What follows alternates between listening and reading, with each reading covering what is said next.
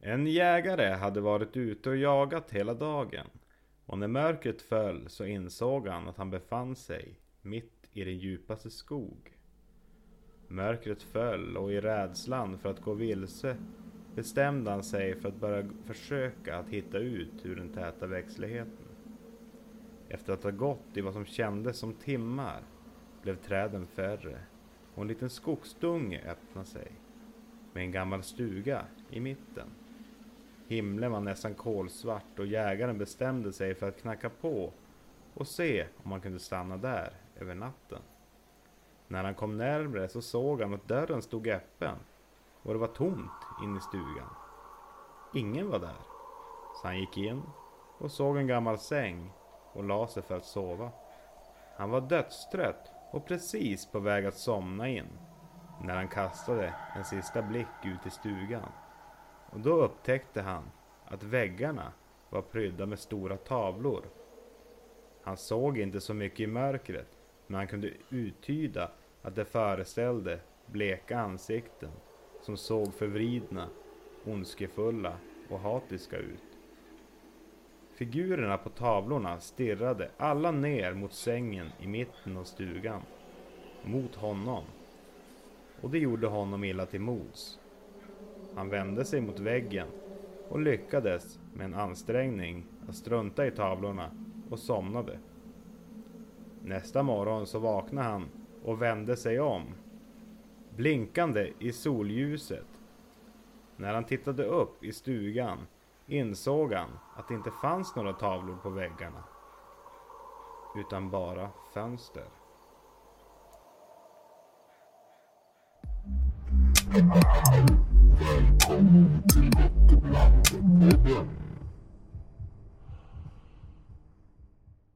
Ja, hej och välkomna till Gott och blandat-podden.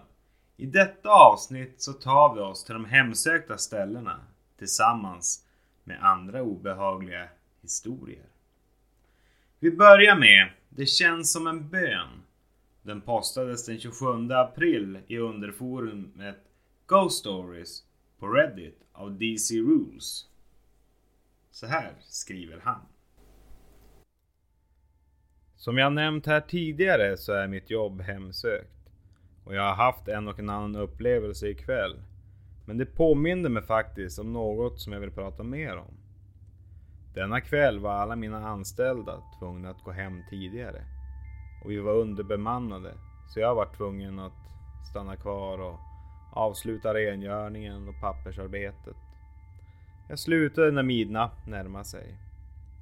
Och precis som klockan slog 12 verkade det som att vad som helst där i restaurangen hade bestämt sig. Gå ut, annars dödar jag dig. För plötsligt kände jag bara en överväldigad känsla av fara och rusade ut ur restaurangen. Det här är inte en känsla som jag har fått mer än en gång förut och aldrig av någonting som jag faktiskt har kunnat sett. Den andra upplevelsen hände på Thanksgiving 2019. Jag och min fru hade flyttat in i våran lägenhet den sommaren och bodde nu i en annan stad.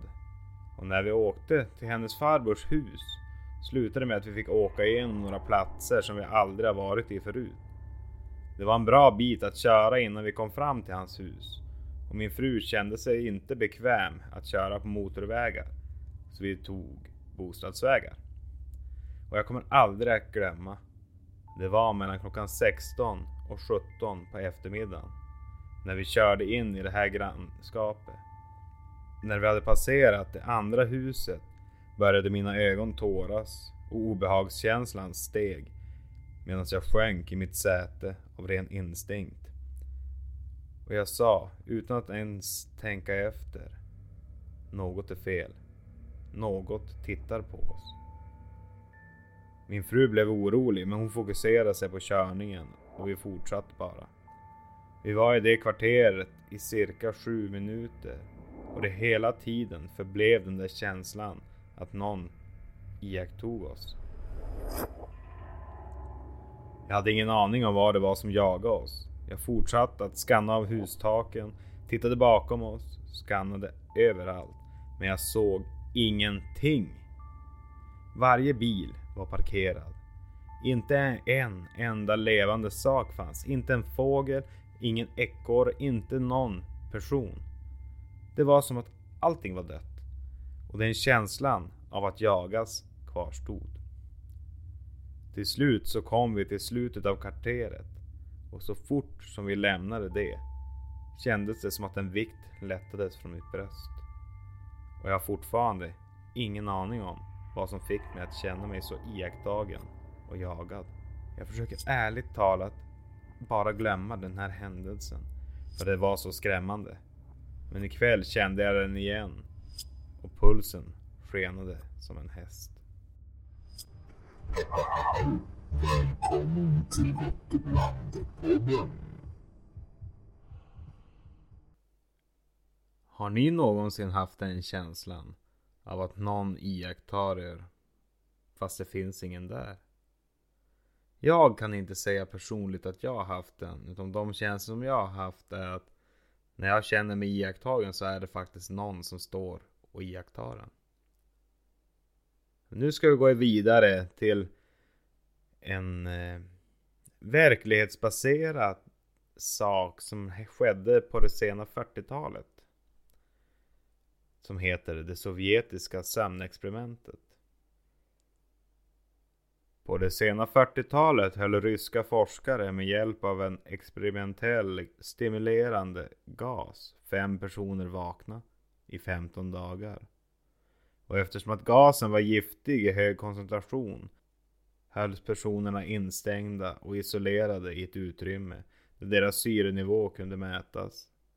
Det var innan övervakningskamerornas tid så det enda sättet att forskarna kunde undersöka vad som hände i utrymmet var genom mikrofoner och ett par decimeter tjocka glasventiler.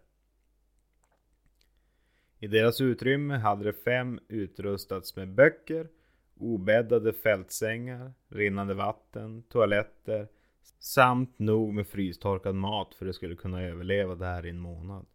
Försökspersonerna var politiska fångar som under andra världskriget fält som statens fiender. Och allt gick bra de fem första dagarna. Och fångarna klagade knappt eftersom att de hade fått falska löften om frihet om de deltog i testet och lät bli att sova på 30 dagar. Deras konversationer och sysselsättningar övervakades. Det noterades att de pratade allt mer om traumatiska händelser under deras uppväxt. Och efter fyra dagar blev tonläget mycket mörkare. Och efter fem dagar började de klaga över situationen och de händelser som lett dit. De började dessutom visa tecken på svår paranoia.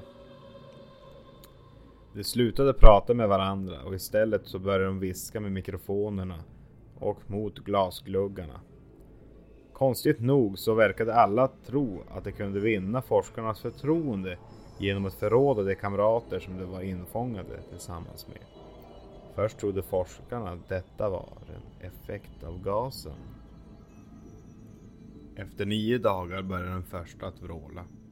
Han sprang av och an in i kammaren och gallskrek allt av full lungkapacitet tills han inte längre kunde utbrista i annat än sporadiskt skrin.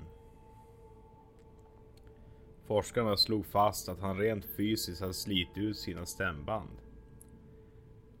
Det mest överraskande med detta var att de andra försökspersonerna knappt brydde sig. De fortsatte att viska med fönsterrutorna och mikrofonerna. Ända tills en av dem började skrika. Då började två som ännu var tysta istället riva sönder böckerna, smörja in sidorna med sin egen avföring och sedan täcka fönstren med den. Och vrålandet slutade tvärt. Tre dagar gick. Forskarna kontrollerade mikrofonerna en gång i timmen för att försäkra sig om att det fungerade. Eftersom att det var omöjligt att de fem personerna där inne inte gav ifrån sig några ljud alls. Syrekonsumtionen i kammaren visade att samtliga levde. Det andades till och med så mycket som man gör under endast stora fysiska ansträngningar. På den fjortonde dagens morgon gjorde forskarna något som de sagt att de skulle låta bli. Nämligen använde sin telekommunikationsutrustning för att kontakta de in i kammaren och förhoppningsvis få ett svar från försökspersonerna. Som de var rädda antingen dött eller blivit grönsaker. De ropade ut. Vi kommer nu öppna kammardörrarna och kontrollera mikrofonerna. Gå iväg från dörrarna och lägg er på golvet eller så skjuter vi. Fullständigt samarbete kommer innebära att en av er befrias omedelbart. Men till deras stora förvåning hörde de en ensam röst svara. Vi vill inte längre befrias. Och nu utbröt en debatt mellan forskarna och representanterna för militären vars pengar hade använts för att bekosta experimentet. Eftersom att de inte kunde få några fler reaktioner över telekommunikationssystemet bestämde man sig till slut under den femtonde dagen för att öppna kammaren. Det började med att tömma den på gas och fylla den med frisk luft istället. Men då började klagomål höras ur mikrofonerna. Tre olika röster började böna och be. Som om det var för der, deras närståendes liv. Om att gasen skulle sättas på igen. Kammaren öppnades och soldaterna sändes in för att hämta försökspersonerna. Som började vråla högre än någonsin. Soldaterna började också skrika när de såg vad som fanns inuti rummet. Fyra av de fem försökspersonerna levde fortfarande. Även om man svårligen kunde kalla det skick som de befann sig i för levande. Ingen hade rört de senaste fem dagarnas matransoner. Av den döde försökspersonens kropp hade stora köttstycken tagits och proppats i kammarens avlopp.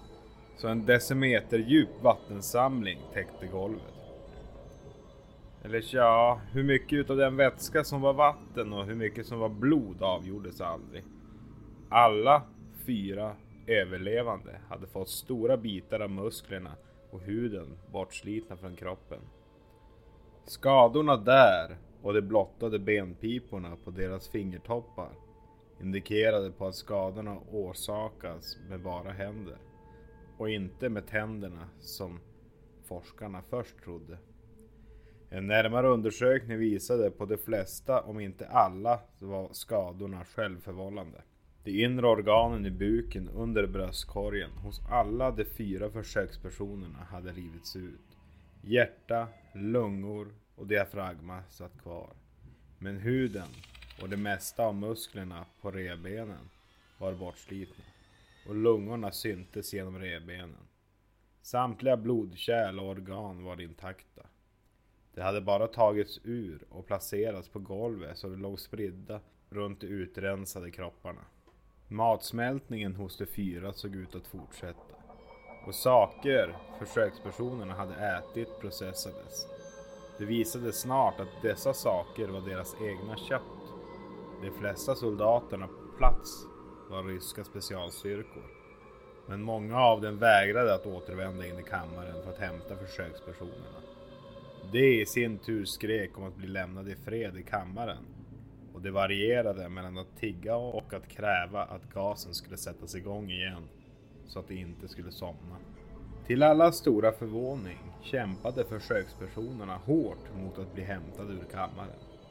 En av de ryska soldaterna dog efter att hans hals slitits sönder och en annan bars iväg svårt skadad efter att en försöksperson rivit av ena hans testikel och bitit sönder en artär i hans ben. Ytterligare fem soldater förlorade livet, inräknat de som begick självmord under veckorna efter incidenten. I kampen sprack en av försökspersonernas mjälte och han förblödde i det närmaste omedelbart. De medicinska forskarna försökte ge honom lugnande men det visade sig vara omöjligt. Trots att han har fått mer än tio gånger så mycket morfin som en människa ska kunna klara av så slogs han som ett skadat djur och bröt revbenen och en arm på en av doktorerna. Hans hjärta fortsatte att slå i hela två minuter. Även så efter han förblött så att det fanns mer luft än blod i hans ådror. Till och med efter att hans hjärta hade slutat slå så fortsatte han skrika och slå omkring sig i ytterligare tre minuter. Vilt kämpande för att attackera alla i närheten och skrika ordet mer om och om igen. Men han blev svagare och svagare tills han till slut tystnade. De tre överlevande försökspersonerna spärrades fast hårt och flyttades till ett sjukhus. Allt medan C2, vars stämband fungerade fortfarande, fortsatte att be om mer gas så det skulle hålla sig vakna. Den som var svårast skadad av de tre togs till sjukhusets enda operationsrum. Under processen då han förbereddes för att få sina organ förflyttade tillbaka in i sin kropp igen, att även han var i princip immun mot de lugnande medlen som han hade givits. När han fick dem så började han kämpa vansinnigt mot sin fastspänning och lyckades trots att en 90 kilo tung soldat höll i hans arm slita sig igenom den decimetertjocka läderbandet. Och det behövde däremot bara lite mer sövande medel än vanligt för att han skulle kunna somna. Och sekunden hans ögonlock började fladdra och stängas så slutade hans hjärta slå. I obduktionen av honom så visade det sig att hans blod innehöll tre gånger så mycket syre som en normal människa. De muskler som fortfarande satt kvar på hans ben var illa slitna. Han hade brutit nio ben i striden mot att bli fastspänd. Och de flesta ben hade brutits av kraften från hans egna muskler. Den andra överlevaren var den första i gruppen att börja skrika.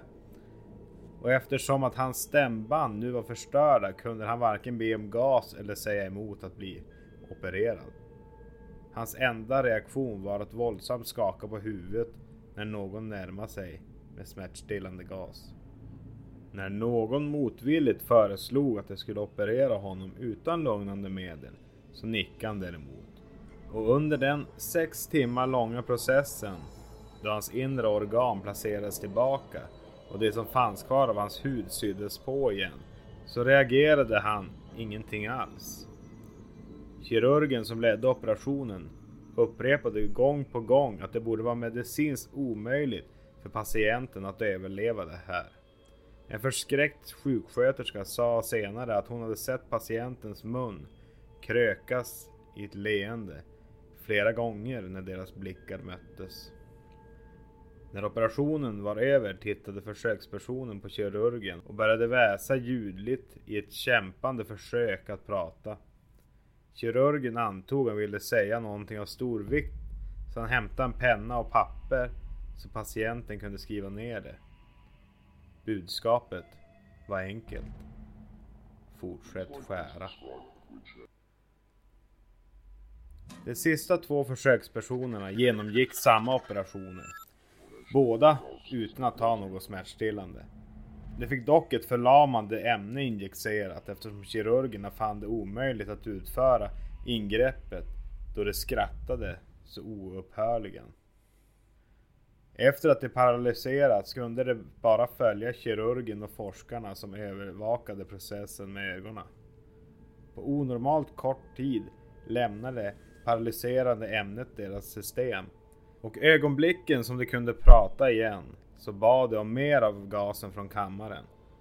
Forskarna försökte fråga varför de ville åsaka sig själv så mycket skada och varför de hade slitit ut sina egna inre organ och varför de ville ha mer av gasen. Och det enda svaret de fick Jag måste förbli vaken. De tre kvarvarande försökspersonernas fastspänningar förstärktes och de placerades i kammaren igen i väntan på att beslut om dem skulle fattas. Forskarna som stod inför vreden från de militärer vars pengar som hade bekostat nu det misslyckade experimentet övervägde helt enkelt att avliva dem. Men den ansvariga officeraren på plats, en före detta KGB-agent, såg istället potential att börja ge dem gasen igen. Forskarna kom med bestämda invändningar, men kördes över.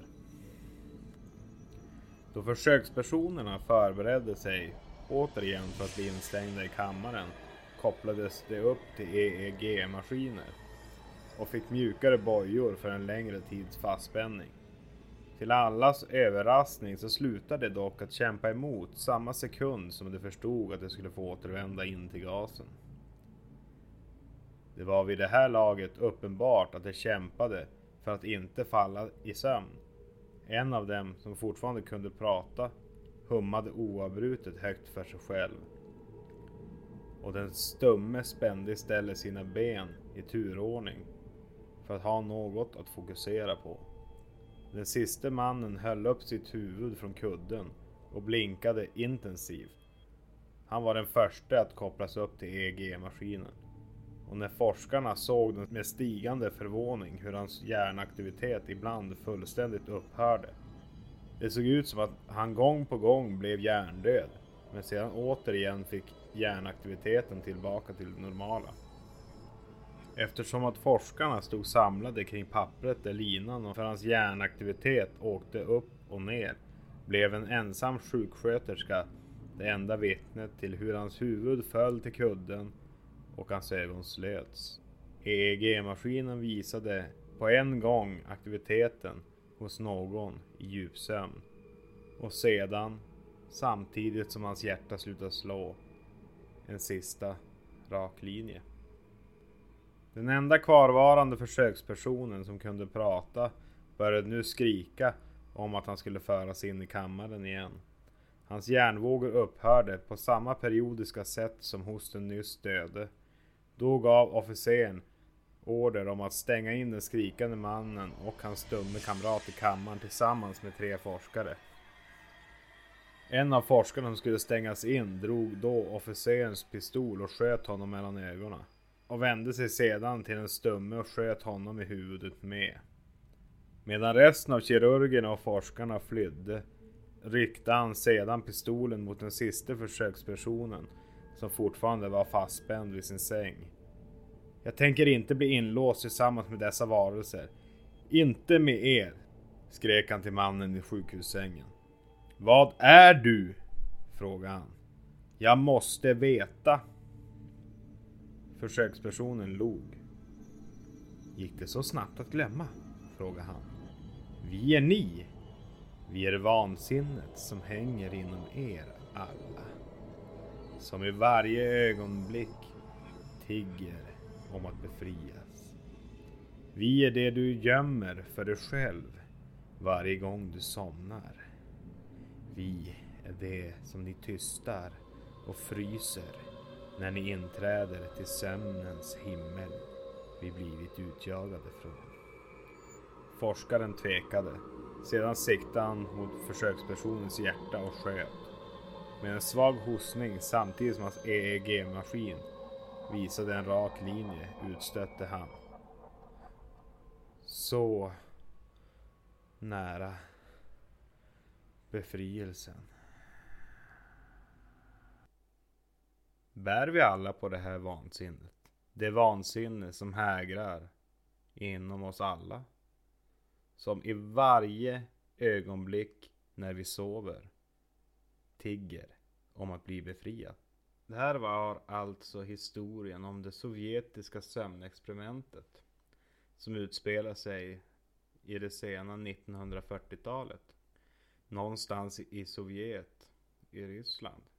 Vad tror ni om denna historia? Är det här någonting som kan ha utspelat sig i verkligheten? Eller är det här bara en sägen som har spridit sig från Sovjet till oss? Vem är det som vet det egentligen? Inte jag. Nu ska vi gå vidare till en annan historia som heter så mycket som Spegelbilden. Tänk dig du sitter hemma framför TVn en sen kväll när det plötsligt avbryter programmet för en extra nyhetssändning. En mördare har flytt från fängelset där i närheten där du bor. Och det varnar för att vistas utomhus. Du kastar en blick mot glasdörren ut till din terrass och där i mörkret så ser du en man som står i snön. Som passar in i beskrivningen av mördaren som du just har hört på TV. Du ser hur han står där och ler mot dig. Du sväljer plockar upp telefonen och ringer 112. Tonerna börjar gå fram. Du sätter telefonen mot örat och tittar tillbaka ut genom glasdörrarna. Han har kommit mycket närmre nu. Men så märker du att det inte finns några spår i snön. Det du tittar på i glasdörren är mannens spegelbild. Ja, det var allt från Gott och blandat podden för denna gång. Tack för att ni lyssnar och hoppas ni kan sova gott nu när ni ska sova. Kom ihåg att kolla en extra gång om det är en spegelbild eller om det är någon som faktiskt står bakom dig. Fram till nästa gång så får ni ha det så bra. Ha en fortsatt trevlig valborg så syns vi på måndag.